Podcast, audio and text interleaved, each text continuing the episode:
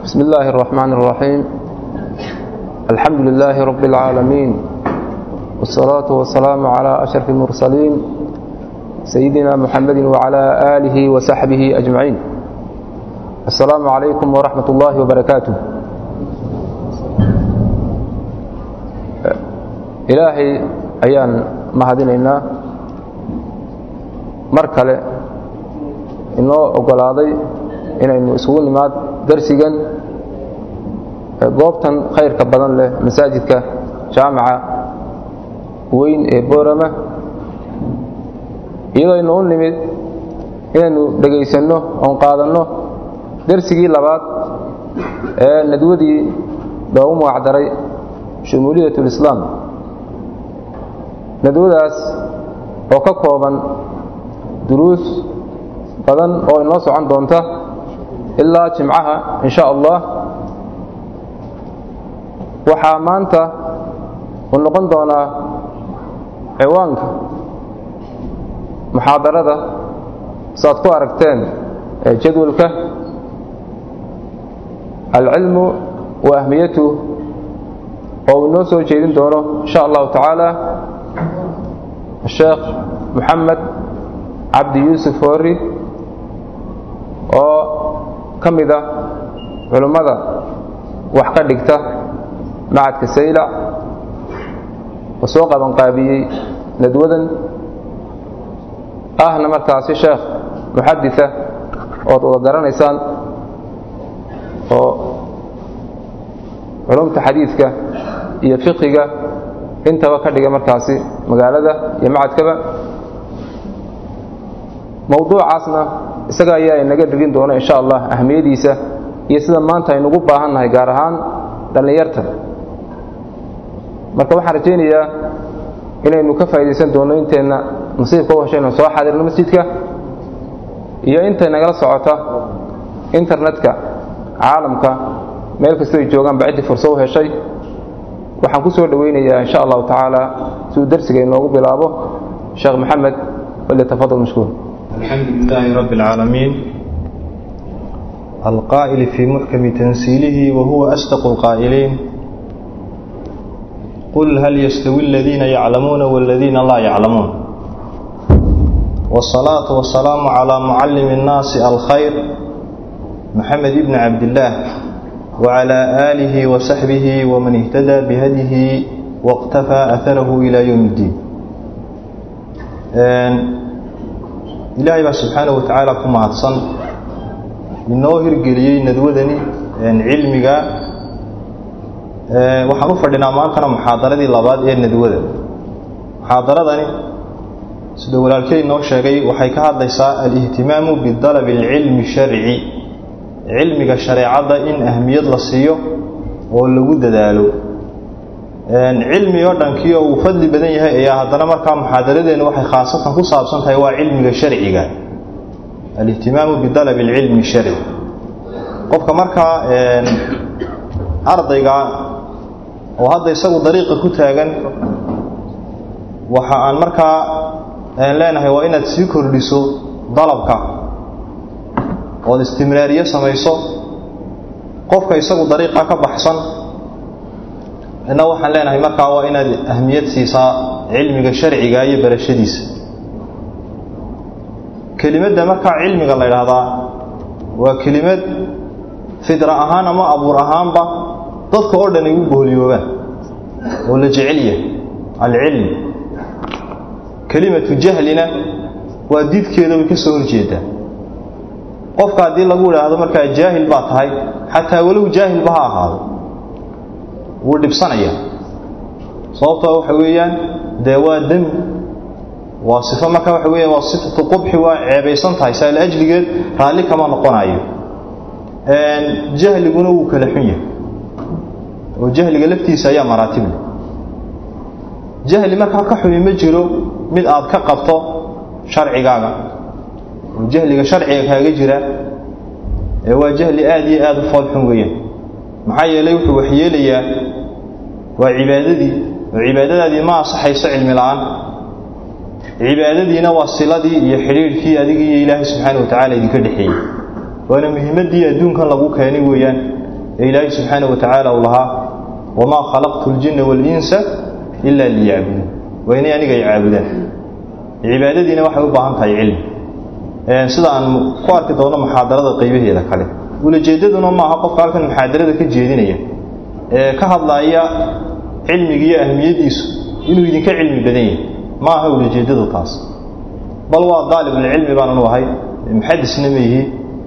Laakiin waxa weeyaan qofka waa inuu sheegaa waxa uu qofka kale ku dhaamo walow wax yarba ha waa inuu intaa gudbiyo wey haba dhegaysanayaba qofka cilmi badan waxaa uu rasuulka calayhi salaatu wasalaam uu yidhi ruba mubaliqin muballaqin awca min saamic macnaha waxa weeyaan waxaa jiraya mid markaa waxa weeyaan muballaq ah oo la gaadhsiiyey isagu oo kaba markaa waxa weeyaan weelayn badan qof markaa waxa weeyaan kii uu ka maqlay ee ka weelayn badan oo ka gudbin.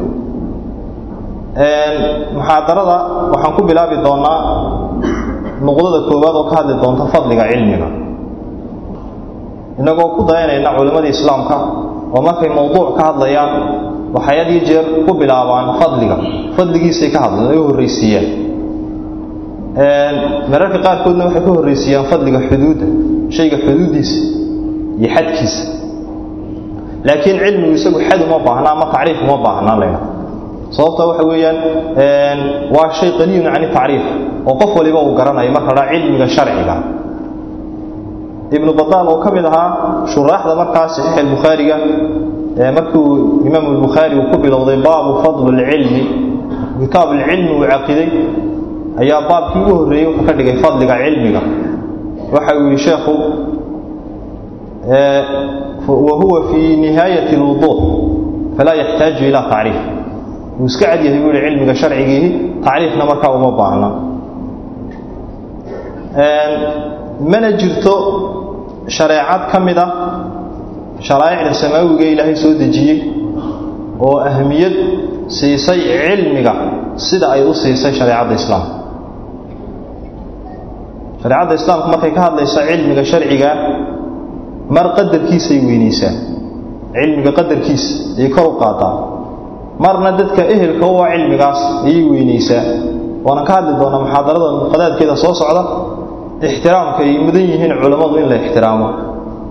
Marna waxay ku boorisaa dadka inay dalbaan cilmiga oy raadiyaan dadkana ay baraan. Mar waxay nagu baraarujisaa aadaabtiisa iyo qaabka loo dalbaayo.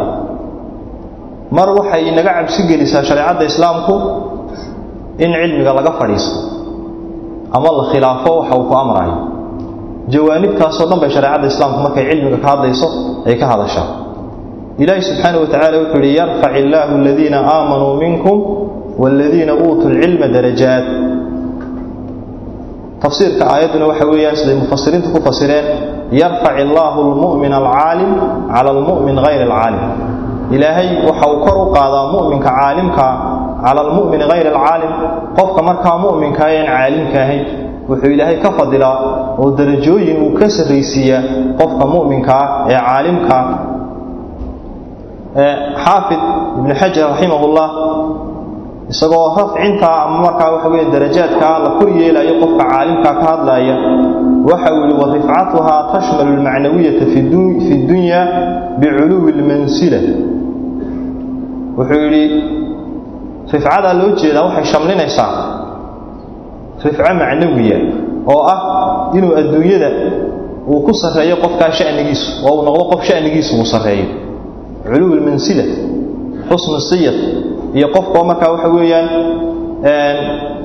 adduunyada markaa waxa weyan martabo sare ka gaadha bini aadmiga dhexdiisa laakiin isaga ulajeedadiisu maaha inay saa noqoto. Oo hadduu hore dalabka cilmiga uu baranayo dadka dhexdiisa mashhuur ku noqo hadaad mashhuur ku noqotaa taasi waan ka hadli doonaa waa niyooyinka xune faasidkaa weeyaan ee loo baahan yahay qofka daalibulcilmigi inuu ka fogaado. Laakiin waxa weeyaan waa shay uu helayo. Niyada hore inuu ka dhiga maaha iyo mid xisiye ah oo ah tii aakhirada oo in mansiladiisu ay sarraysigu. Walxisiya biculuwi lmansilati fi ljanna in jannada marka waxay mansiladiisa ilaahay subxaana wa tacaala mansilo sarraysa oo kuwii kale mu'miniinta ha ka sarraysa uu ka dhigo. Iyo tii macnawiga ahayd oo adduunyada uu ku helaayo. Ilaahi subxaana wa tacaala wuxuu yidhi isagoo ka hadlaaya inaanay sinayn dadka ahlulcilmiga ah iyo kuwa kale qul hal yastawi aladiina yaclamuuna waladiina laa yaclamuun. Waxa uu amray rasuulkiisa inuu yidhaahdo waqul rabbi sidnii cilma isagoo cilmiga shareecadoo dhanba imaamkiisa ahaa. Oo kii markaa waxa weeyaan soo gaadhsiiyey ahaa ayaa haddana waxaa la yidhi waxaad tidhahdaa ilaahu ii siyaadi cilmi. Marka hadduu qof bashari cilmi uu ka maarmaayo rasuulka calayhi salaatu wasalaam ka maarmi laha. Waxa yidhi waqul rabbi sidnii cilma. Aayaadku aad iyo aad buu fara badan yihiin lamana soo koobi karo. Waxaa markaa macaajintu ay sheegaan in kelimadda cilmi la idhaahdo manaa sida uu qur'aankii ugu jirto ama iyadoo macrifo ah ama iyadoo nakiro ah inay qur'aanka ku soo noqnoqoto ilaa siddeetan jeer. Ilaa siddeetan jeer kelimatu cilmi. Ahamiyadda sharcigu uu siiyey cilmiga iyo fadligiisa. Kelimadda waxa dhahdaa waxeeda markaa mushtaqaadkeeda kalena ilaa boqolaal jeer bay qur'aanka ku soo noqnoqoto waxaana markaa waxa weyn inoogu filan deliil xagga qur'aanka inay aayaddii ugu horraysay ee qur'aanka soo degtay ee rasuulka calayhi salaatu wasalaam lagu soo dejiyey ay ka hadlaysay qiraa'ada iyo cilmiga in wax la akhriyo. Iqra bismi rabbika aladii khalaq khalaqa alinsaana min calaq. Iqra warabuka alakram alladii callama bilqalam callama alinsaana maa lam yaclam waa aayaddii ugu horraysay qur'aanka ku soo degtay. Oo ka hadlaysa qiraa'ada iyo cilmiga. Waa ahmiyadda shareecaddu ay siisay cilmiga iyo fadligiisa. Suuraddii labaad ee soo degtayna waa suuratu nuun. Waxaana lagu magacaabayba suuratu qalam wuxuuna ilaahay subxaana wa tacaala suuradda madlaceeda ama awalkeeda uu ku dhaartay. Adawaadkaas markaa waxa weeyaan cilmiga ka ugu weyn oo ah qalamka nuun waalqalami wamaa yasturuun haddaynu uga gudubno xagga axaadiista fadliga cilmiguu leeyahay waxaa laga wariyay cabdillaahi bni mascuud radi allahu canhu inuu yihi qaala nabiyu sala allahu calayhi wasalam laa xasada ila fi itnatayn rajulun aataahu allahu maalan fasallada calaa halakatihi fi lxaq warajulun aataahu allahu alxikmata fahuwa yaqdii biha wa yucallimuha wlmuraadu bilxikma muraadka markaa xikmada loola jeedana waa cilmigaasaan sheegi doono. Wuxuu yidhi rasuulku xasad ma jiro macnaha waa kamasho weeyaan qofku kanto. Xasadku mid waa madmuumo waxa weeyaan qofka oo qof kale doona in ilaahay subxaana wa tacaala uu ka qaado fadliga uu qofkaasi haysto isagana lagu soo wareejiyo. Ama qofkaasiba uu waayo isaguna una helinbe waa xasad taasi laakiin xasadka halkan waxaa loola jeedaa waa kamashada kamashaan idhahnaa macnaa waa qofkii oo doonaya waxa qofkaa kale uu haysto fadliga ilaahay uu siiyey. Inuu ilaahay kaa kale marka wuxuu inu siyaadiyo oo aanu ka qaadinna markaa waxa weeyaan niyadda ka jecel naftiisana la jecel. Kamashadaasi markaa ma jirto oo qofka lama kantaa la dhahdaa ilaa laba sinfi oo dadka ka mida maahin labadaa sinfi mid waa ninuu ilaahay maal siiyey oo maalkaa markaa waxa weeyaan ku bixiyey xaqa ilaa aanu waxba kala soo noqonin. Waa qof markaa waxa aad wax u bixiye weeyaan. Oo muxsin ah oo wujuuda khayrka oo dhan ku bixiya maalka ilaahay uu siiyey. Iyo warajulun aataahu allahu alxikma qof ilaahay uu cilmi siiyey oo cilmigaa wax ku kala xukumaya dadkana baraya. Waa labadaa noocunbaa la kantaa oo la ydhahdaa ilaahow sidii sidoodaasoo kale iga dhig. Laakiin wixii labadaa ka soo hadha marka waxa weeyaan lama kanto way wax kaa gaadhaya oo nafciihi ma jiro. Laakiin labadaas waxay hayaan waa shay marka aad iyo aad u qaaliya weeye xikmadanna marka waxaa looga jeeda waa cilmiga oo imaam albukhaari wuxuu baabaystaa xadiiskani baabu aliqtibaadu fi lcilmi wuxuu u baab yahay buu dhaa in cilmiga la kanto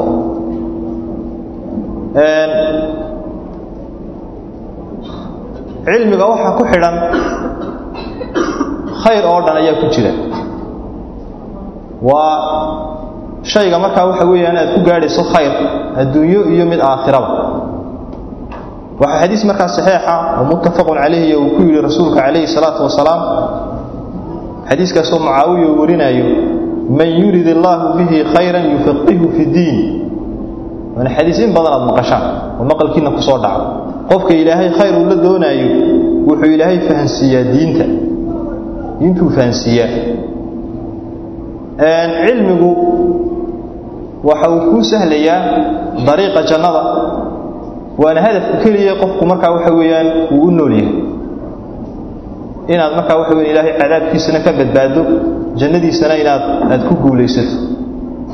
Idan liibaanta markaa keliya loo joogaa waa taas weyan siduu ilaahay subxaana wa tacaala uu inoogu sheegay ee qur'aankiisa faman zuxzixa can innaar wa udkhila aljanna faqad faas idan cilmigu waa dariiqii jannada waxaa markaa uu wariyaa xadiis markaa waxa weeyaan muslim uu wariyo inuu rasuulka calayhi salaatu wasalaam yidhi man salaka dariiqan yaltamisu fiihi cilman sahala allaahu bihi dariiqan ila aljanna qofka mara dariiq uu ku raadinayo cilmi ilaahay waxa uu u fududeeyaa dariiqa markaa waxa weeyaan jannada.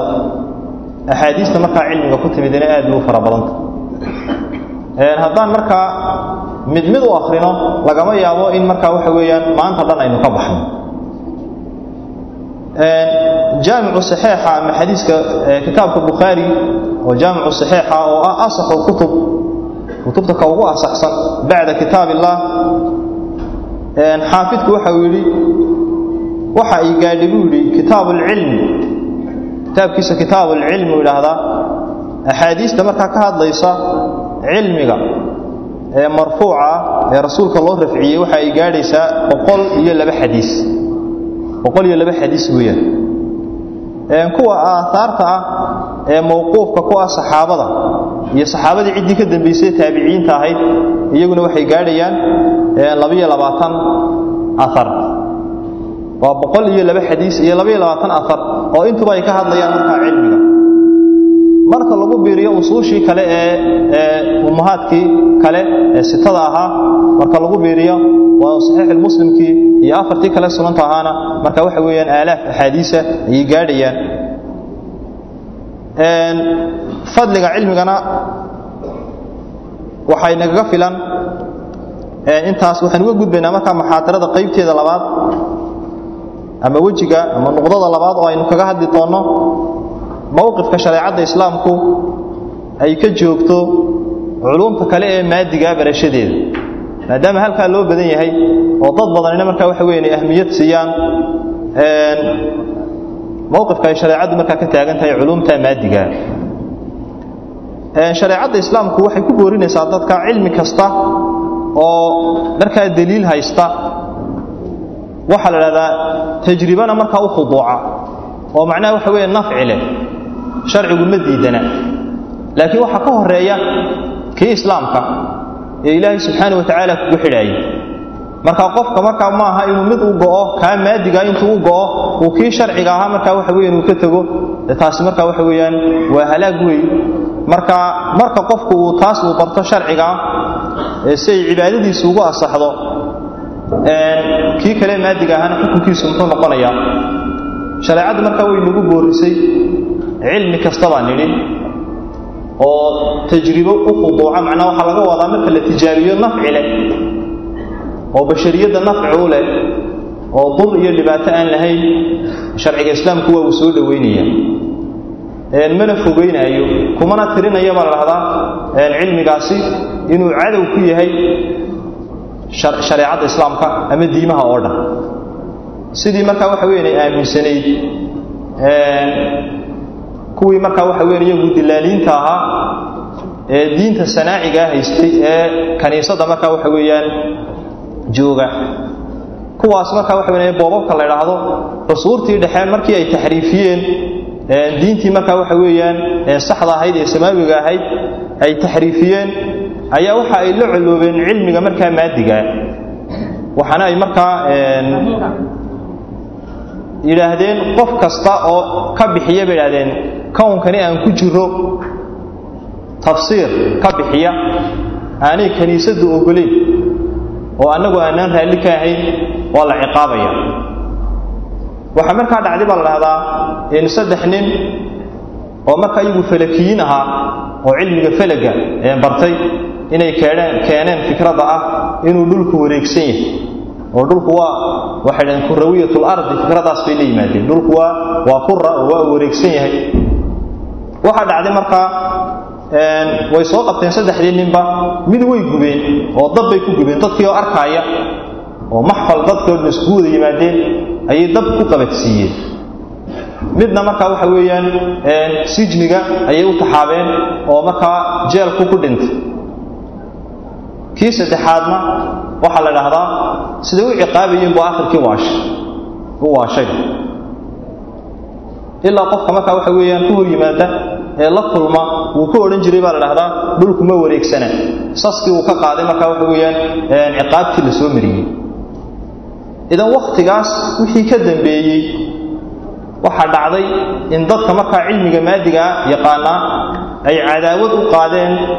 Markaa waxa weeyaan rijaalu kuwii loodhan jiray ama culimmadii markaa kiristanka ahayd ee wakhtigaas maamulka markaa waxa weeyaan kaniisadda gacanta ku hayay. In cadaawad markaa waxa weyan ay u qaadeen. Oo ay u arkeen in shareecadda markaa waxa weeyaan samaawiga oo dhaniba ama diinta samaawiga oo dhaniba ay tahay mid la collaytamaysa oo ka soo horjeeda waxa markaa waxa weyan macrifada la yidhaahdo. Kabacdi thawra ayaa dhacday baa la dhahdaa waana thawradii markaa waxa weeyaan faransiiskiina ugu horraysay oo ka bilaabantay.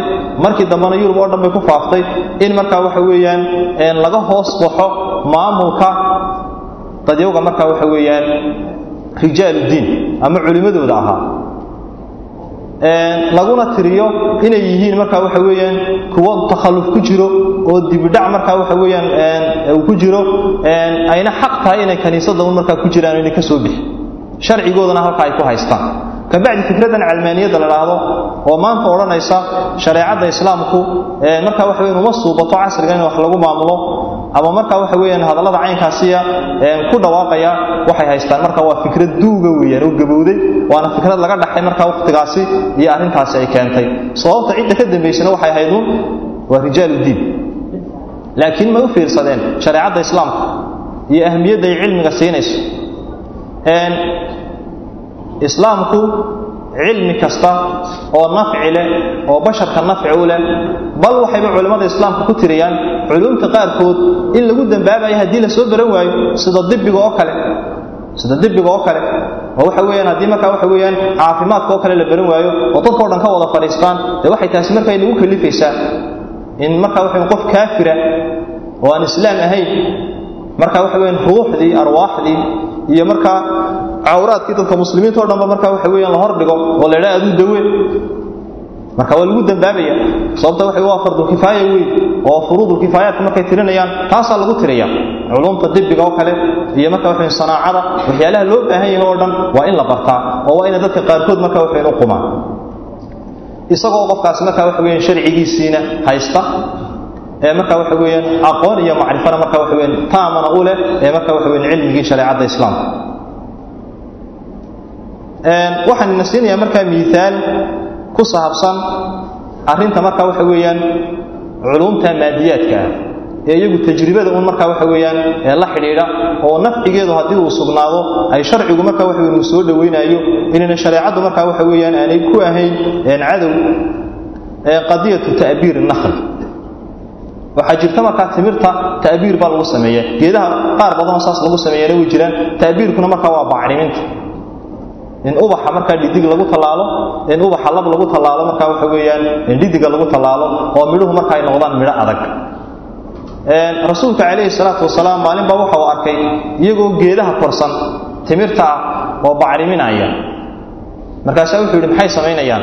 Markaasaa la saaya saasay samaynayaan. Bacrimin oo timirtiiba markaa waxa weeyaan waxay ku tallaalayaan ubixii lab dhidigii.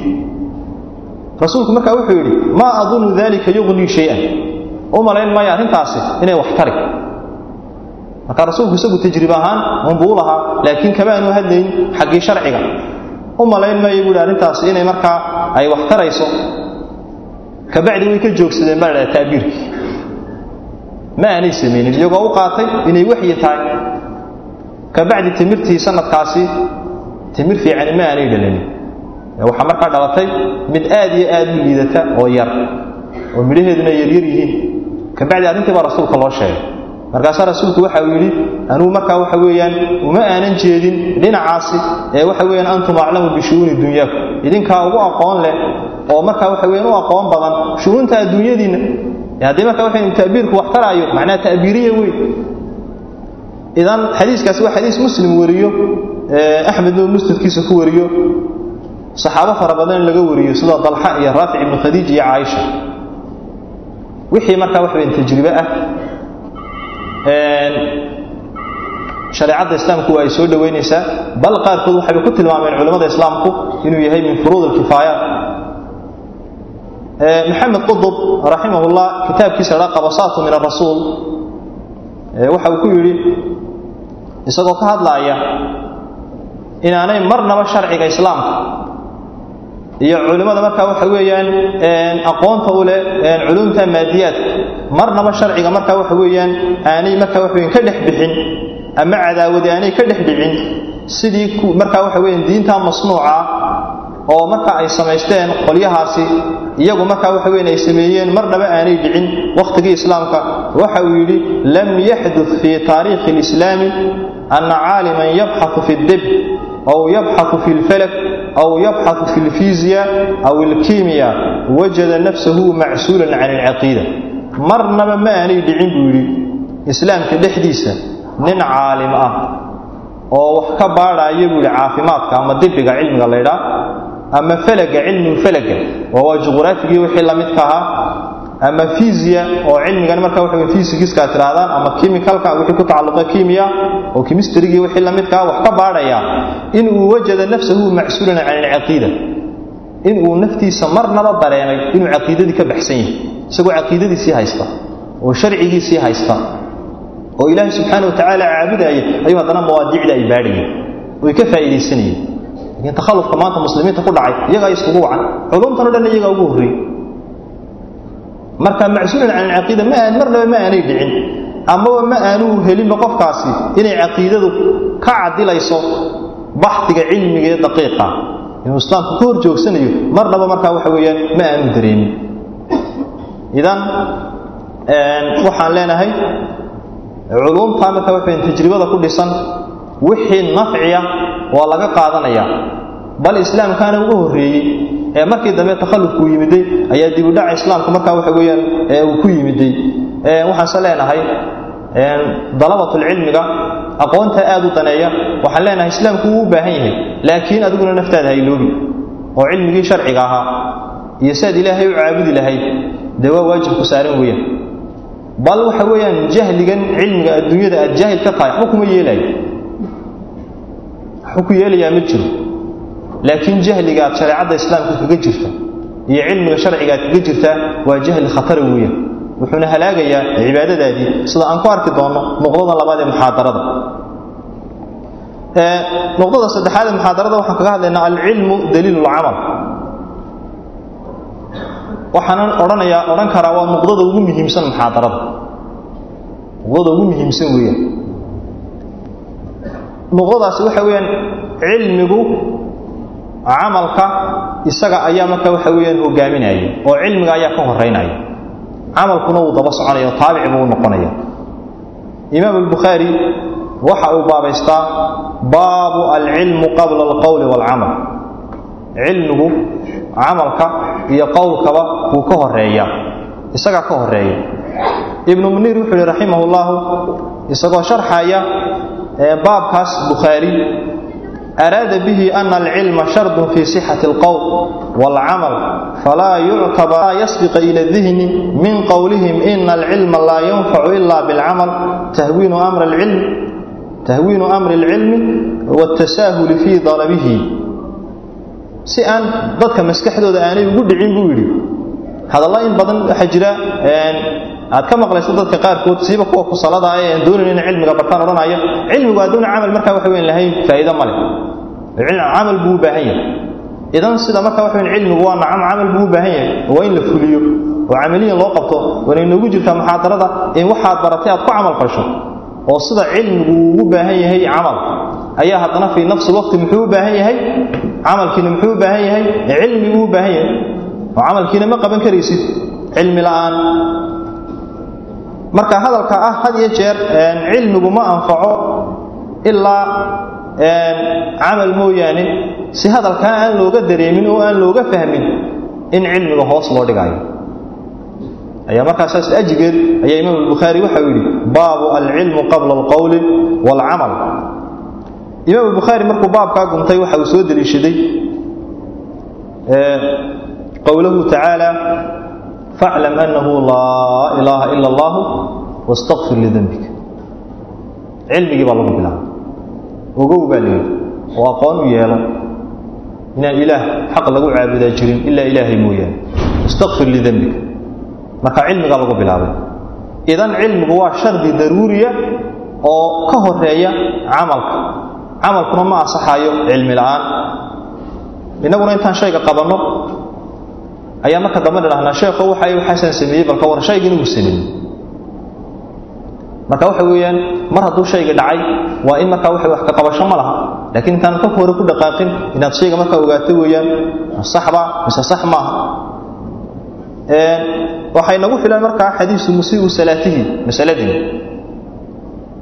Inaan asaxaynin oo ina asaxayn waxa cibaadada la yidhahdaa ilaa cilmi maahine nin baa rasuulka calayhi salaatu wasalaam agtiisa ku tukaday. Xadiiskaasina wuxuu macruuf ku yahay xadiisu musii'u salaatihi macnaa waa ninkii salaadiisa xumaynayay salaaddii markuu ninkii tukaday waxa uu ka tegey rukni ka mida arkaantii salaada. Idan qofku hadduuna cilmi lahayn ma garanayo wixii rukniya iyo wixii shardiya. Markuu ruknigii ka tegey ruknigaa uu ka tegey dumaaninadii buu haya xasiloonidii. Oo qofku marka uu rukuuco waa inuu ku xasilaa. Marka uu ka soo kacana oo ictidaalka galana waa inuu xasilaa mar kastoo rukni cusub gashaba waxaa loo baahan yahay dumaaniino iyo xasilooni. Kabacdi rasuulkuu salaamay markaasaa rasuulku wuxuu yihi irjic fasalli fa lam tusalli. Noqoo tuka buu ma aana tukanini. Baahida cilmiga loo qabaa horta la baraya markii ugu horreysaba rasuulku ma odhanin halkaa halkaasaad ka xumaysa saysaa ku qabo. Wuxuu yihi noqo oo tuko ma aana tukanin ninkii waa uu noqday sidii marka hore uu tukadun baa dana u tukaday mar labaad buu rasuulka salaamay. Rasuulku salaantii buu ka celiyay haddana wuxuu yihi noqo fasalli fa innaka lam tusalli.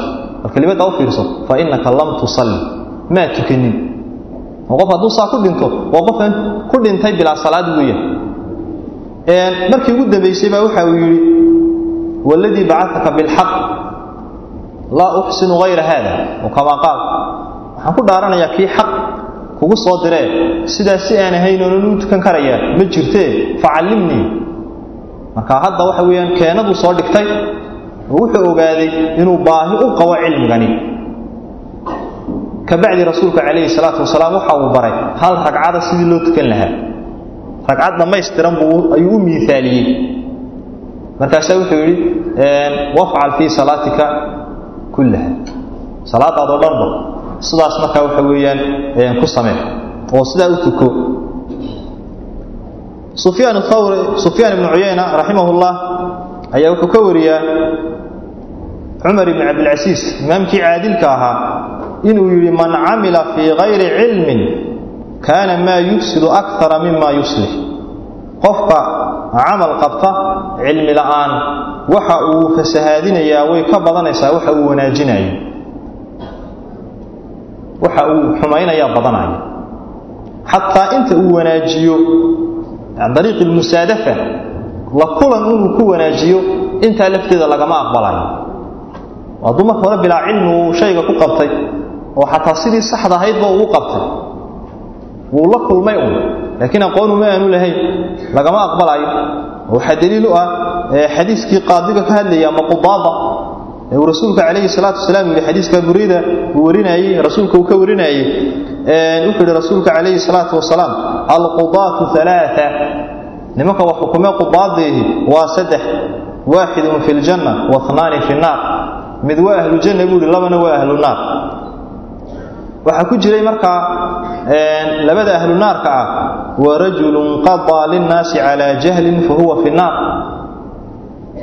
nin dadka u xukumay ku xukumay jahli iyo aqoon daro kaasi waa fi naar ka jannada gelaya waa kee? Waa ku intuu cilmiga ogaaday ee uu bartay cilmigii haddana ku maamulay dadkii.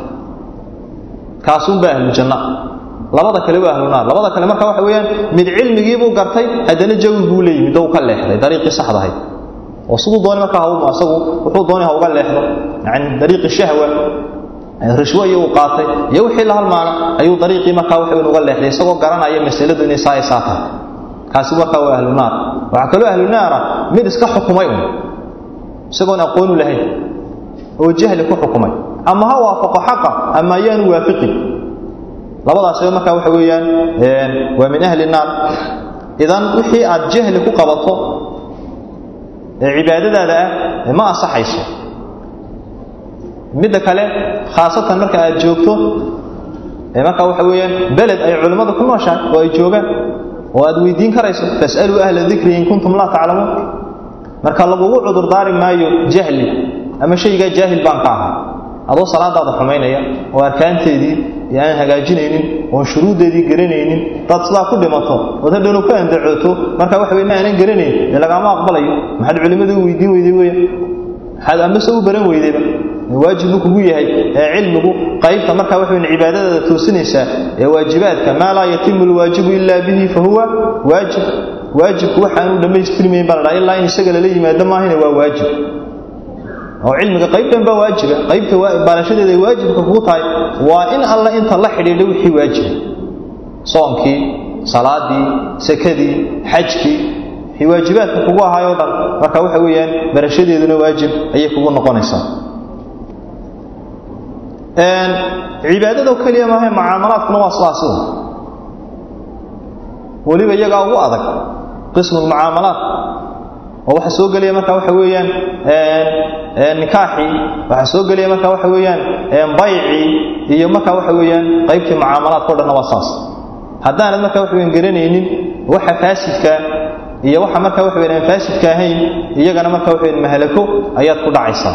Saa laajligeed baa waxay salafku ugu dardaarmi jireen baa lahdaa nimanka tujaarta ee baayac mushtarka in aanay suuqa gelin ilaa inay axkaamta bayca wax ka fahmaan maahin baycooda wixii xumaynaaya iyo wixii marka waxa weeyaan fasahaad ku ridaaya waa inay ogaadaan.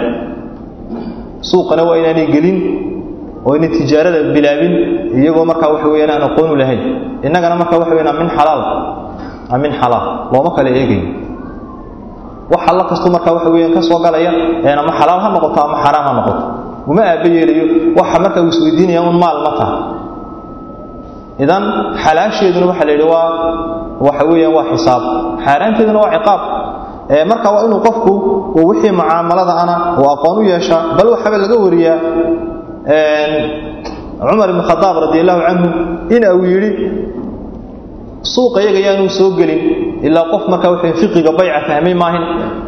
Inuu suuqa iyaga wax ka ganacsanin iib iyo marka waxa weeyaan wax iibsasho iyo wax iibinba. Nabiyullaahi yuusuf calayhi salaatu wasalaam markii uu la hadlaayey ninkii boqorka ahaa ee uu yidhi marka waxaad iga dhigtaa wasiirka dhaqaalaha waxa uu markaa soo qadimay wixii mu'ahalaadka uu ahaa ee uu ku wadayey arrintaas. Waxa uu yidhi markaa nabiyullaahi yuusuf ijcalnii calaa khasaa'ini alardi innii xafiidun caliim. Waxaad iga dhigtaa ood ii dhiibtaa khasaa'inta arlada. Wacnaa waxa weeyaan de waa wasiirka dhaqaalaha waa wixii maalka ku tacalluqo oo dhan. Aniga ii dhiib oo maamulkiisa aniga ii dhiib buu yidhi. Maxaa yeelay anugu waxaan ahay buuhi xafiid. Oo xifdigu waa ammaanadii ayaa loo jeeda caliimna waan ahay oo cilmi baanu leeyahay.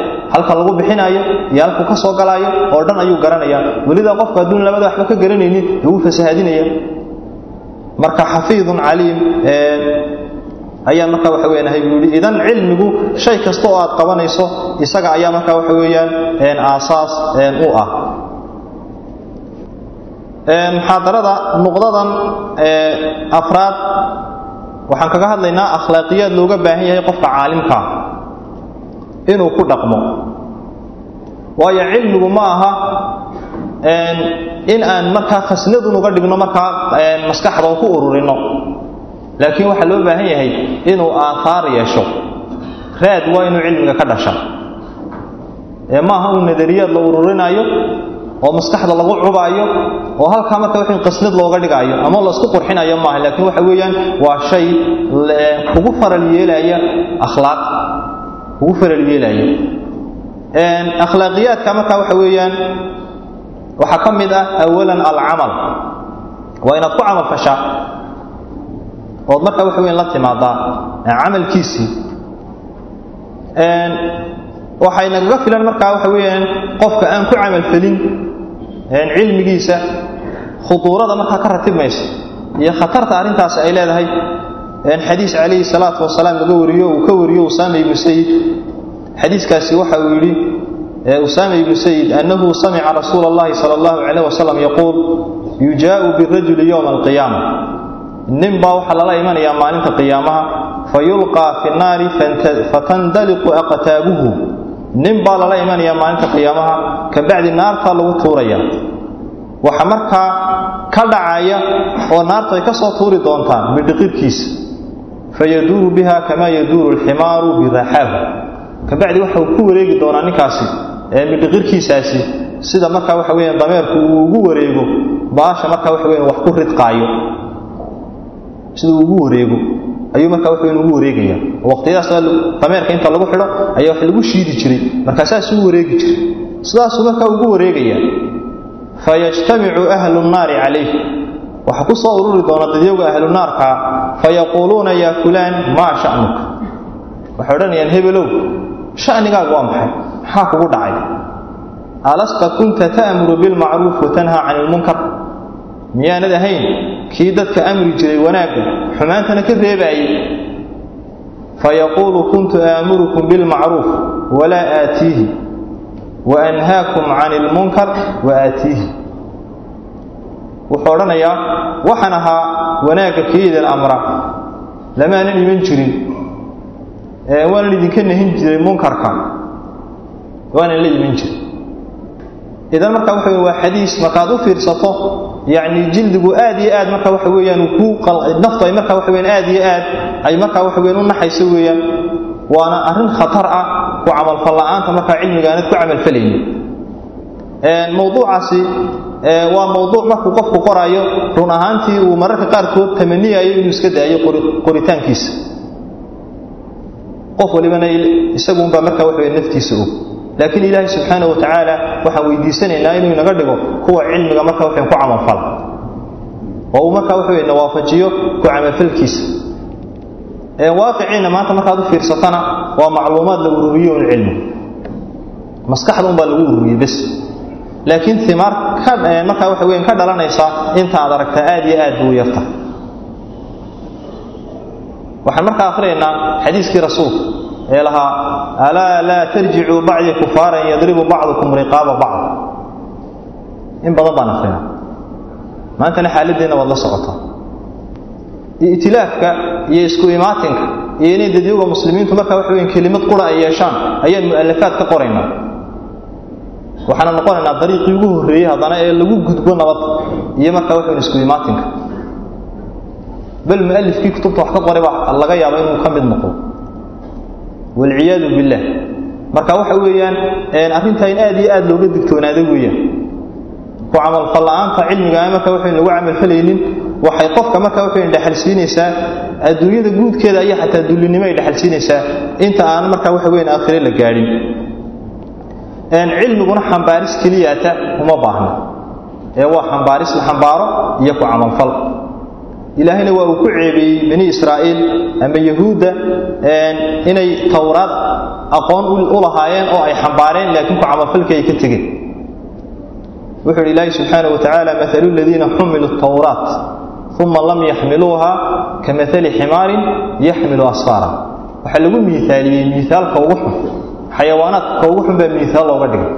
Waxaa la yidhi waa sidii dameer oo kale kutub xambaarsan xumilu tawraat ta hore aqoontii weeye iyo ka hadlaysa oo way xambaareen macnaha waxa way barteen oo axbaar bay ku noqdeen dabadeedna ma aanay dhaqankeedii lama aanay imanin kuwaas marka waxa weeye waa dameer oo kale.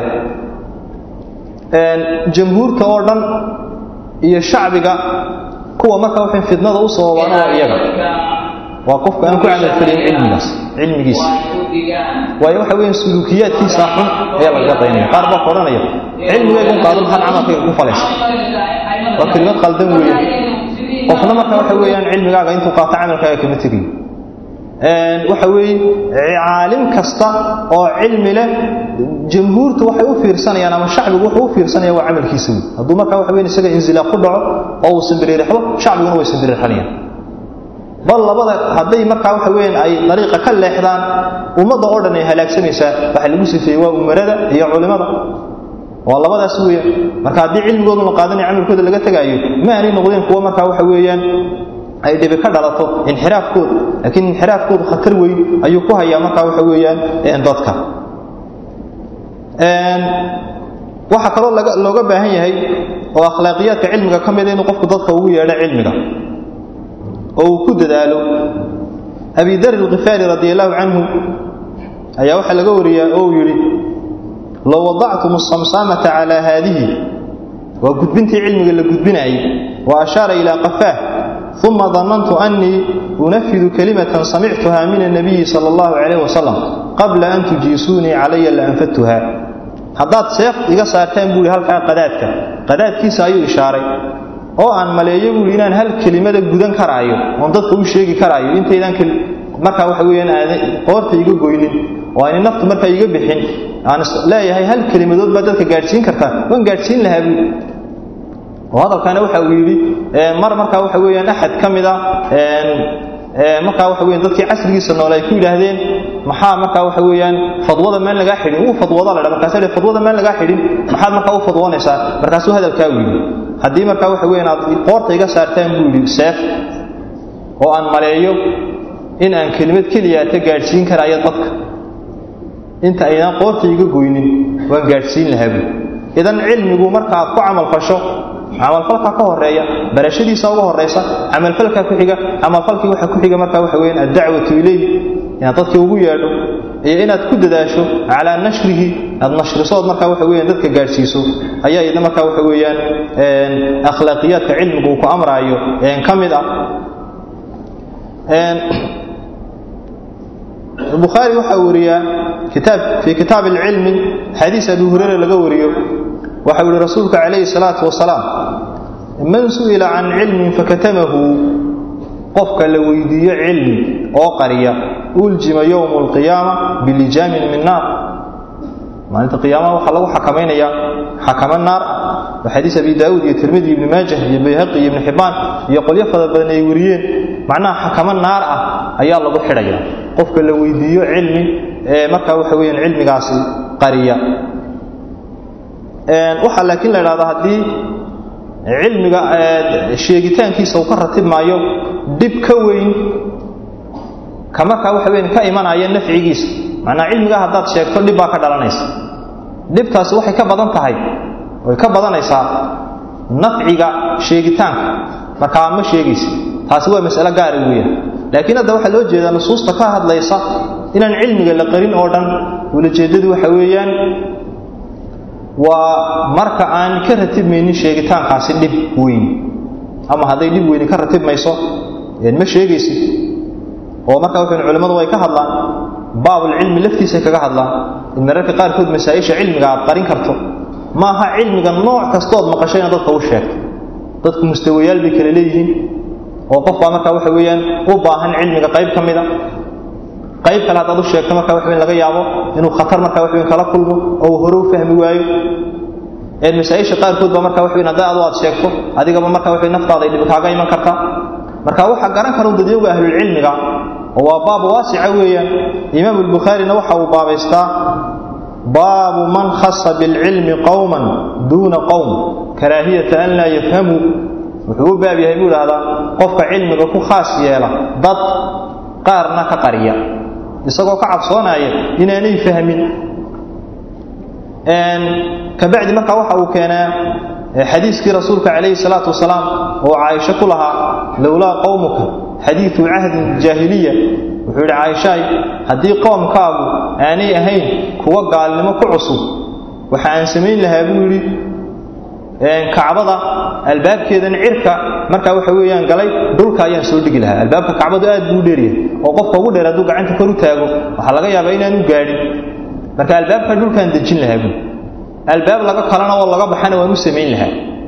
Laakiin haddaan kacbada dumiyo dee qoomkaa waxay ku cusub yihiin markaa jaahili marka waxaa laga yaabaa inay fahan qaldan ka qaataan oo kulle waxa weeyaan waa masaa'il u baahan in lagaga niqaasho maxaadarooyinka markaa waxa weeyaan soo socda insha allah ee ka hadli doona fiqiga alamru bilmacruuf wanahyi can ilmunkarka ku jiri doona oo insha allah halkaasaad kaga dhergi doontaan waa in qofku cilmiga uu sheegaayo waa inuu miisaamaa maxaa ka ratibmaaya maxaa ka ratibmaaya oo ka dhalanaya?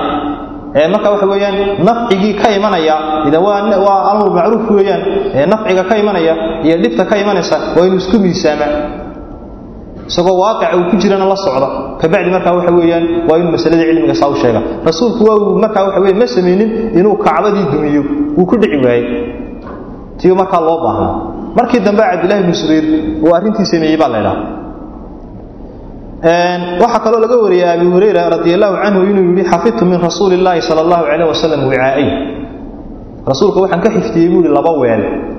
Ayaan ka buuxiyey buui oo cilmiya oo axaadiis ah fa amaa axaduhumaa fabatattuhu mid buu yidhi waan firdhiyey dadkao dhanna waan gaadhsiiyey waan firdhiyey buui wa ama alaakhar falow batattuhu quطica hada albulcuum ka kale buu yidhi laakiin haddaan waxuun ka sheega buu yidhi un gurigaa lay kala goynaya idan waan ka aamusaya marka waxaa fuqahadu ay leeyihiin ama shuraaxdu waa culuumtii ku tacalluqaysay xagga taariikhda iyo nimanka umarada ah ee waddanka markaa waxa weeyaan qabsan doona iyo siiradooda iyo arrimihii markaa waxa weeyaan la xidhiidhay weeyaan.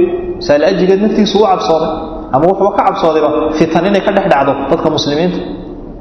Masaal ajigeed ma sheegin laakiin mid ka mida buu yidhi waan firdhiyey buu yidhi markaa firdhin ayaan firdhiyey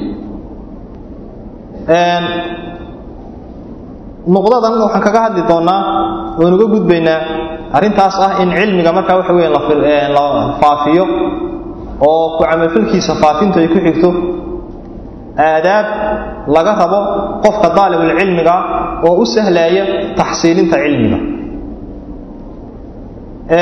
Aadaabtaasi waxaan u horraysiinaynaa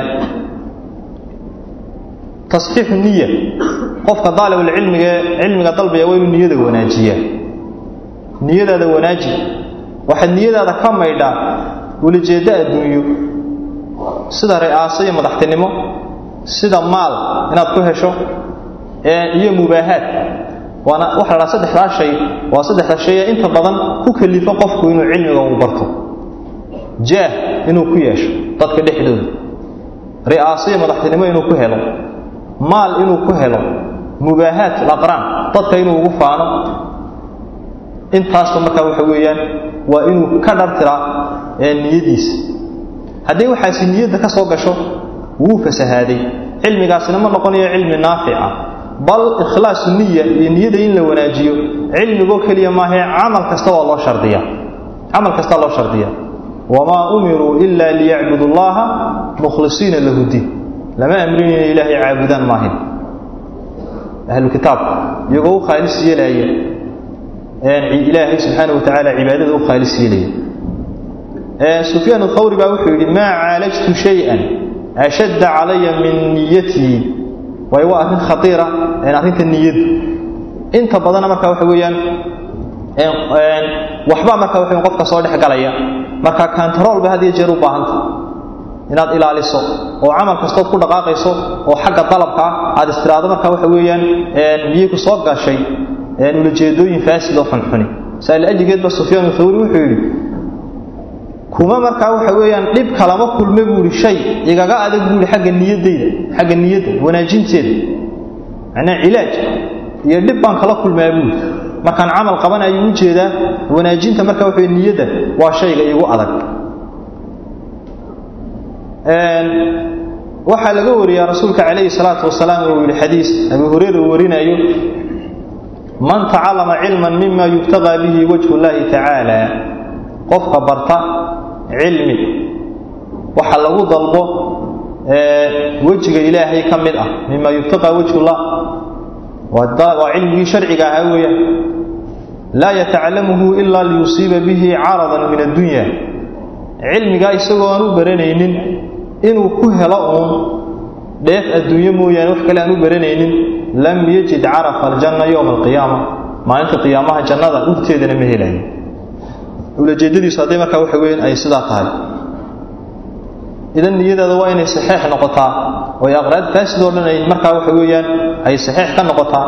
Arrinta labaad markaa waxa weeyaan alistimraariya nuqdada labaad ee lagaaga looga baahan yahay qofka daalibulcilmiga ama adabiyaadka looga baahan yahay waxaa ka mid a istimraariye inuu yeesho qofka innaguna inta badan waa waxyaalaha aynaan haynin weeyaan oo inta badan dadyowga muasasaadka cilmigaa joogaana way garanayaan arrintani way la socdaan ardaygu maanta kuu imanaya qaar baa shan maalmood kula joogaayo qaar baa maalin kula joogaayo qaar baa bil kula joogaayo waxa weeyaan macnaa istimraariyaan jirin inuu qofku dalabkii markaa waxa weeyaan uu ka gun gaadho oo markaa waxa weeyaan hadafkii uu cilmiga u baranayay ee waxa idin ilaahay subxaana watacaala raalli geliyo ilaahay raalli ahaanshihiisuna markaa wuxuu intaad adduunka joogto o dhan way soconaysaa. Saa la ajrigeed dalabul cilmigu wuxuu u baahan yahay istimraariyo. Ma aha wax maalin iyo dharaar lagu helo ma aha. Cilmigu sharcigiihi waa baxri weeyaan ama waa bad ballaadhan oo markaa waxa weeyaan muddo gaaban aan ku dhammaanaynin saa la ajrigeed waa inuu qofku istimraaraa. Qataada ayaa waxa uu yidhi taabicigaasi jaliilka ah low kaana axadun yaktafii min alcilmi bishay haddii markaa waxa weyan qofuu yahay buu yidhi yaktafii min alcilmi bishay cilmiga kii ku kaaftoomaya in yar ku kaaftoomaya ma inuu ku kaaftoomaya? Laktafaa muusa calayhi salaam. Haddii markaa cilmiga lagu kaaftoomaayo oo markuu qofku caalimu noqdo uu kaaftoomaayo muusa kaaftoomi lahaa buuhi calayhi salaatu wasalaam oo waa kii yidhi laakinahu qaala hal attabicuka calaa an tucallimanii mima cullimta rushdaa miyaan ku raacaa buu ku yidhi khadar si aan u barto buu yidhi wixii markaa waxa weyn ilaahay uu ku baray si aan ana u barto. Miyaan ku raacaa? Sufyaan ibnu cuyeynana wuxuu yidhi laa yazaalu lmar'u caaliman maa dalaba alcilma. Qofku kama zuulo buu yidhi caalim inuu caalim noqdo ilaa intuu cilmiga dalbaayo waa caalim un faidaa danna annahu calima faqad jahila mar alla maalintuus idhaahdo waad ogaatay oo cilmigii waad baratay wuu jaahiloobay buui jaahil buu noqday laakiin inta uu markaa waxa weyan uu baranayo cilmiga ayuu markaa waxa weeyaan ayuu caalim yahay aad bay u fara badan tahay aaaarta ka hadlaysa selafku saalix laga warinaayo in la daa'imo cilmiga sufyaan baa la weydiiyey markaa man axwaju nnaasi ilaa dalab ilcilm sufyaano baa la yidhi dadka yaa ugu baahi badan baa la yidhi cilmiga inay dalbaan. Wuxuu yidhi aclamuhum. Ka ugu cilmiga badanunbaa ugu baahi badan buu yidhi cilmigana. Marka waxau yidhi lianna alkhada'a minhu aqbax. Gefka uu ku dhacayaa wuu ka xun yahay buui gefka uu ku dhacayo ninka jaahilkiisa. Saal ajrigeed ka ugu aqoonta badan leh kaaunbaa ugu baahi badan cilmigana waa in loo sabraa cilmiga. Oo adabiyaadka lagaa rabo waxaa ka mid a inaad cilmiga u sabirto. Cilmigu dhib iyo mataacib buu leeyahay. Waana aqsaamta sabirka marka laga hadlayo waxaa ka mid a alsabru cala daaca. Cala daacati illah inuu qofku daacada ilahay ku sabro cilmiguna waa daacad. Idan waa inaad ku sabirtaa cilmiga. Oo aanad markaa waxa weeyaan ayub alansaari waxaa atartaa sheegay ibn cabdilbir kitaabkiisa la idhaha jaamicu bayaan alcilmi waxa rixlaystay buu ihi abu ayub alansaari saxaabiga mashhuurkeeda wada garanaysaan madiinuu ka tegey buu wuxuu la tegey buu ihi masar. Waa min madiina ilaa masar. Waxa uu doonayay buu ihi liyasmaca min cuqba ibni caamir xadiian inuu cuqba ibni caamir ka soo maqlo xadiis cuqba uu ka maqlay rasuulka. Xadiiskaas oo ka hadlaayay qofka muslimkii inuu qofka kale muslimkee walaalkiiya uu asturo waa halkaa xadiis wey falamaa samicahu ataa abuu ayuuba raaxilatahu farakibaha xadiiskii mar alla markii uu ka maqlay cuqba ibni caamir abaa ayuub waxa uu u yimiday daabadiisii iyo awrkiisii oo guriga hortiisa uu ku xidhay. Kabacdi markaa waxa daabadiisii buu koray. Wamaa xalla raxlahu? Rarkana kama dhiginba halkuu ku noqday haddana ilaa madiina. Halkii xadiis markuu bal waxaa laga wariyaa bacdu salaf haddaad ka soo safarto bay dhahdeen shacab ood u safarto? Yaman. Ood hal xikmada soo faa'iidaysato. Waktigaagaasi ma aanu kasaarin hal xikmada. Ma aanu kasaarin famaa baaluka markaa dadyoga markaa wuxuu qucru daarigii cilmigu ugu yimiday ama masaajidka naftiisa lagu akriyayo intaasoo kutuba waan imanayay. Hal xadiisna markaa waxa weeyaan masaafada intaa la eg ayay markaa wuxuu saxaabadu ugu jari jireen waxaa markaa jirta la dhahdaa xikmad lagala kulmay dadyowga iyagu tajribeeyey cilmiga dhibta loo marayo ee rixlada iyo gaajada iyo rafaadka u soo maray dadyow tajribeeyey. Oo culimo ahaa ayaa waxay idhaahdeen laa yunaalu alcilma biraaxati aljismi. Cilmiga laguma gaadho jidhka raaxadiisa. Adoo iska raaxaysanaya cilmi ku heli maysa sidaas waa in rafaad meesha uu yimaadaa xataa waxa weeyaan haddii markaa waxa weeye cilmiga gurigaaga agtiisa lagu dhigaayo oo aad markaa waxa weeyaan xalaqada un soo xaadir lagu dhaahdo dhib buu leeyahay. Waayo waa sabir fadhigu sabir buu u baahan yahay. Intaa qofku markaa wuxuu hadda uu fadhiyaa waa qof sabir unbaa fadhihi kara waa muddo markaa waxa weeyaan u baahan markaa waxa qofku inuu sabro shaydaankan intaa uu kaa faa'iidaysanaya oo wuxuu kuu qorxinayaa markaa waxa weeyaan suuqii iyo markaa waxa weeyaan wixii dibadda yaallay saala ajligeed cilmigu sabir buu u baahan yahay. Waa inuu qofku markaa wuxuu ku sabraa. Shacbi camir ibnu sharaxiil shacbi ayaa waxa uu u warramay nin buu u warramay xadiis.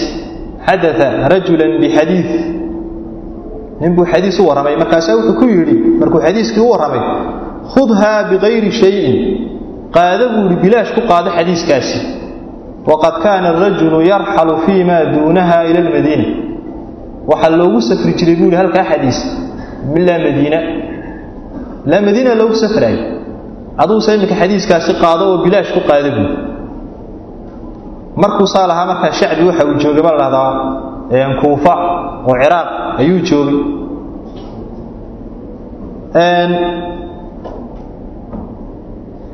Adabiyaadka laga rabo qofka daalibulcilmiga ah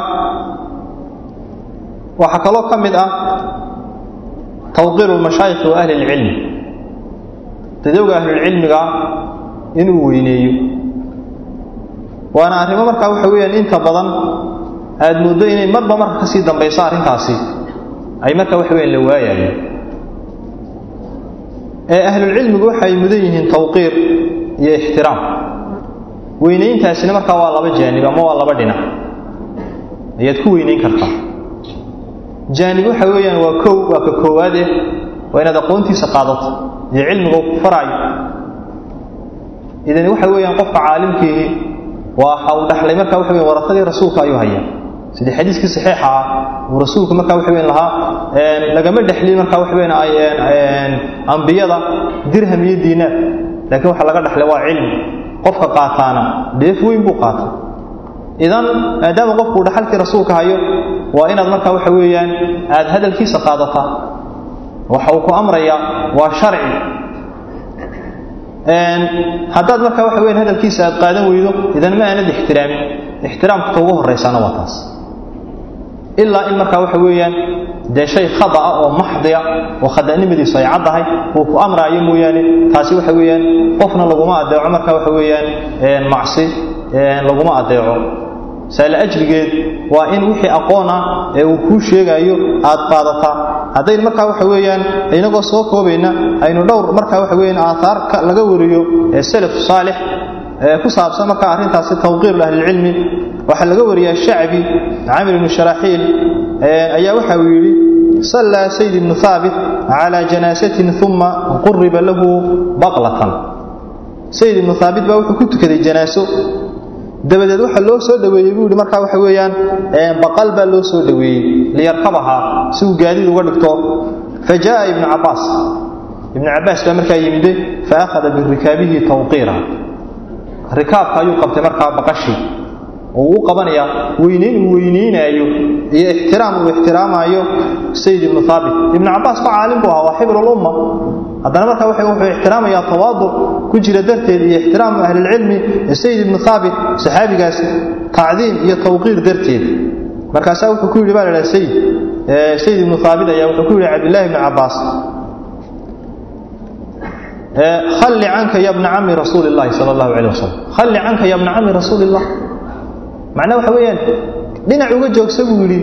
Marka wuxuu rasuulkayna adeerkiyo macnaha waxa weeyaan adu waad ka sarraysaa weeyaan inaad markaa waxa weeyaan aad aniga ixtiraamto. Markaasaa wuxuu yidhi cabdillahi ibni cabbaas haakadaa nafcalu bilculamaa'i waalkubaraa saasaan ku samaynaa buu yidhi markaa waxa weyan culammada iyo dadyowga waaweyn ee ahlulcilmiga saasaan ku samaynaa buu yidhi. Aartaas waxaa markaa wariyay ibn cabdilbari jaamic bayaan wlcilm ciraaqina wuxuu yidhi markaa yidhi dabaraani iyo xaakimna way wariyaan kitaabkiisa la takhriij lixya ee uu ku takhriijiyey axaadiista ixyaa culumudiinka khasaali zuhri ayaa waxaa laga wariyaa waxa uu yidhi maxamed ibnu shahaab zuhri waa caalimkii taabiciga ahaa ee muxadidka ahaa. Kuntu aatii baaba curwa waxaan iman jiray buu yidhi curwe albaabkiisa. Faajlisu bilbaab walow shi'tu an adkhula ladakhaltu walaakin ijlaalan lahu. Waxaan iman jiray buu yidhi curwe albaabkiisaan iman jiray. Kabacdi albaabkan fadhiisan jiray buu yidhi haddaan rabo buu yidhi inaan u galo waan u geli lahaa buu curwana waa curwa ibnu subayr laakiin buu yidhi ixtiraam iyo weynayn aan weynaynayo darteed uma aanan geli jirin. Albaabkan ku sugayay markuu soo baxana uu raaci jiray. Xadiiskana markaa daarimi ayaa wuxuu ku warinayaa sunankiisa idan dadyowga ahlulcilmiga in la ixtiraamo oo tawqiir markaa waxa weeyaan tawqiirkana waa kii markaa weynayntii wey iyo in la qaato markaa waxa weyan cilmigooda. Haddii markaa waxa weyan isagu uu kuu fadwoodo adoon aqoon lahayn ama majmuuca min ahlilcilmi ay kuu fadwoodaan mas'alo iyagu masaladaasi waxay ka waqacayaan ilaahay. Waa tawqiic. Manaa ilahay bay ka saxeexayaan idan ilaahay subxaana wa tacala iyaga ayuu weydiin doonaa amaam allah adiga waxaa lagu amray inaad weydiiso. Hadday markaa khada ku iftoodaan ood khada aa qaadato adigu jaahil tahay dee waxaa tahay macduur. Laakiin in markaa waxa weyaan adigu laguma amrin inaad markaa waxa weeyaan aad tidhaahdo aan ogaada ilow ilow inay khada ku joogaan iyo inay gef ku joogaan. Oo aqoon baanad lahayn markaa waxa weeyaan waxaad ku kala saari kartaa khada iyo sii gefkiisa. Mushkilada maanta innaga ayna haysatana waaqicin haddaynu soomaali nahay. Intaasoo qaladaad baan gallay culima mararka qaarkood inoo timiday fii khaarij wa fii daakhil waddanka gudihiisa iyo waddanka dibaddiisana iyagoo raba mushkilada dhexdeenna taalla inay xalliyaan. Cid dhagu dhigtay ma jiro.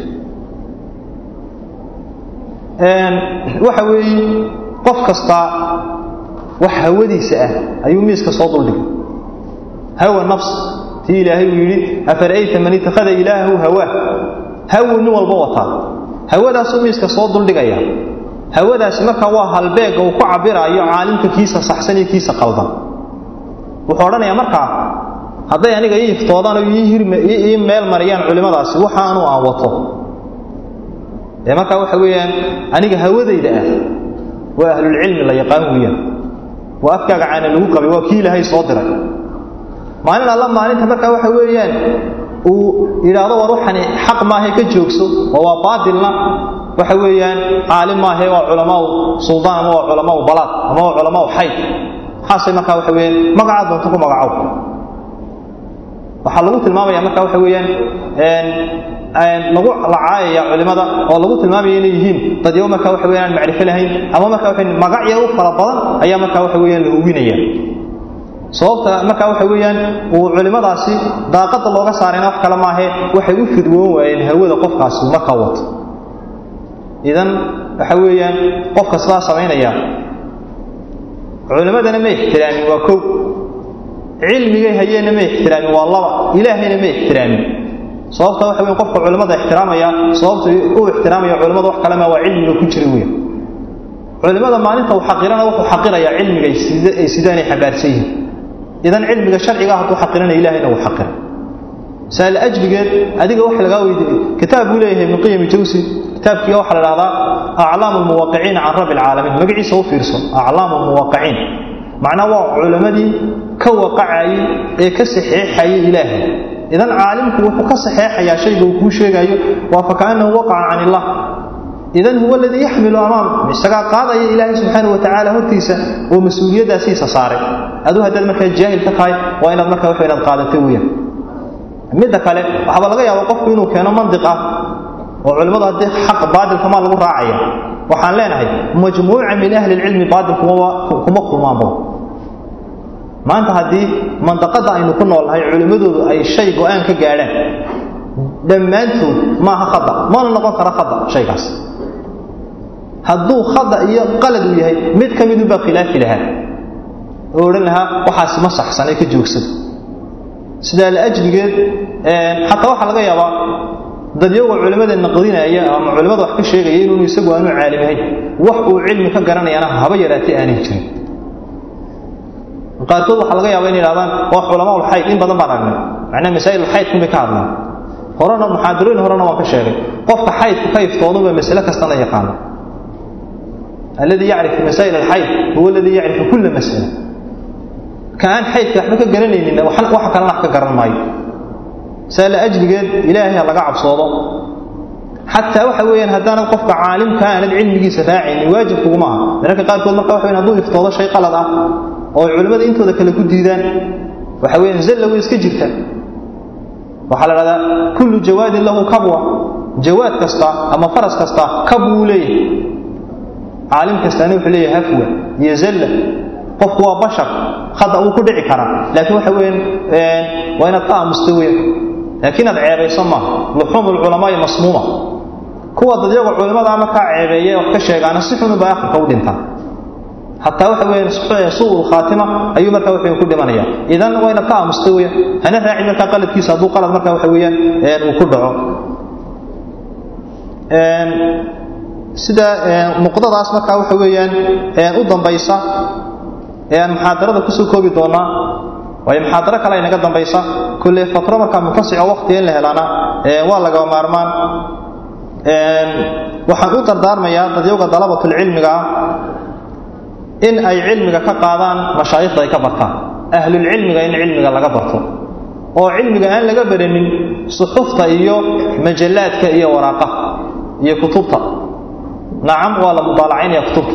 Waana laga faa'iidaysanaya qof walbana inta mudaalacadiisu ay tahay inbuu cilmigiisuna leegyahay laakiin aasaaska cilmiga waxaa laga qaataa culimada aasaaska cilmiga culimada ayaa laga qaataa. Haddii kale khada badan baad ku dhacaysaa. Haddii aad markaa tiraado anu anuun baa mudaalacaynaya oo cilmiga marka waxay mudaalacan ku keenaya sababta marka waxa weeyaan culimada looga qaadanaayo waxa weeye waa mid ee waxaa jira culuumta qaar lagu gaadho tajribo iyo mumaaraso badan oo qofka caalimkiihi uu la yeesho baa la idhahdaa cilmiga uu baranayo. Masalan miiaal ahaan qofku hadduu muxadid yahay oo cilmi xadiiska markaa waxa weeyaan uu muddo badan ku soo dhex jiray waxa uu u yeelanayaa mumaarasada faraha badan leh iyo kudhex jirkaa faraha badan leh uu cilmiga xadiiska ku jiro aqoon saa'ida oo aad iyo aad u badan oo mararka qaarkood waxa uuna ka helaynin kutubta aan ku qoray ayaa jirta idan wuxuu uga faa'iideynayaa aqoonta oo mumaarasada ku gaadhayna dadyowgii dalabatulcilmiga ahay cilmiga dalbaya buu uga faa'iideynaya. Waxaad ka helaysaa markaa nafaa'is fara badan iyo fawaa'id fara badan oo aanad ka helaynin kutubtaan ku qoray ayuu ka helaya ahlulcilmigu ka faa'iidaysanaya oo xataa waxa weeyaan haddaad bikulli diiwaanada islaamka o dhan aad soo ururisa aanad ka helin waa cilmi tajribe lagu gaadhi wey saal ajligeed waa inaanu qofku odhanin anu anuunbaa markaa cilmiga mudaalacaynaya kutubta iibsanaye waa inuu ahlulcilmiga markaa waxa weeyaan uu cilmiga uu ka barto oo uu ka qaado. Waxaa kaloo markaa ahlulcilmiga in cilmiga laga qaadaa fawaa'idka ku jira ay tahay culimada waxaa laga faa'idaystaa akhlaaqiyaad fara badan. Welida in badan baad arkaysaa qofka marka turjumadiisa la qoraayo in la leeyahay istafaada wata'aara bisamtihi wa dallihi macnaha daalibkaasi waxa uu ku ta'aturay oo macnaha uu ku raadoobay weeyaan oo uu ku dayday ninka sheekha ee caalimka oo samtigiisa iyo marka waxa weeyaan akhlaaqdiisii ayuu kaga dayday suxufta iyo waraaqaha marka waxa weyn kutubtuna dee waa mujarada cilmi baad ka akhriyaysaa laakiin kama faa'iidaysan kartid marka waxa weyn akhlaaqiyaad akhlaaqiyaadka culimada marka qofku waa uu ka dhex baxayaa wuxuu noqonayaa qof saafirka ah oo ka fara maran akhlaaqdii culimada hadduu ku kaaftoomo uun maxay? Qiraa'o keliyaad. Oo aanu marka ahlulcilmiga aanu ka qaadin cilmiga. Waxna weeyaan ka qaadista laga qaadayo culimada waa dariiqadii ay cilmiga ku xaasiliyeen salafuna saalix. Ama culimadii naga horreeyey dariiqadii cilmiga ku xaasiliyeen waxay ahayd ninba ninba nin wuxuu inuu ka qaado oo sidaa marka wuxuu cilmiga loo kala dhaxlo. Laakiin ma aanay ahayn marka waxa weeyaan inuu suxufta marka waxa weeyaan uu ka bartay oo uu ka faa'iidaystay. Idan waxaan ugu dardaarmayaa marka naftayda iyo marka waxa weeye nafihiinaba tiyo muxaadarada kulle muqadaad ka mida aan soo koobay tiyo waqtigu marka waxa uu iska kooban yahay naftayda iyo naftiida waxaan u dardaarmaya awalan taqwa allah in ilaahay subxaanahu wa tacaala laga cabsoodo. Waa kow waa midda labaad in ahmiyad la siiyo cilmiga sharciga. Oo aanu noqonin mawduuca markaan ilqaynay marka waxa weeyaan mid dhegtaa laga maqlo midtaa kalena laga sii daayo ee uu noqdo mid camaliyan marka waxa weeyaan loo hirgeliyey marka inuu noqdo. Ulajeedaduna maaha marka weeyaan in laydinka cilmi badan yahay ama laydinka aqoon badan yahay. Ee waxa weeyaan wax isku sheeg. Balliquu canii walow aaya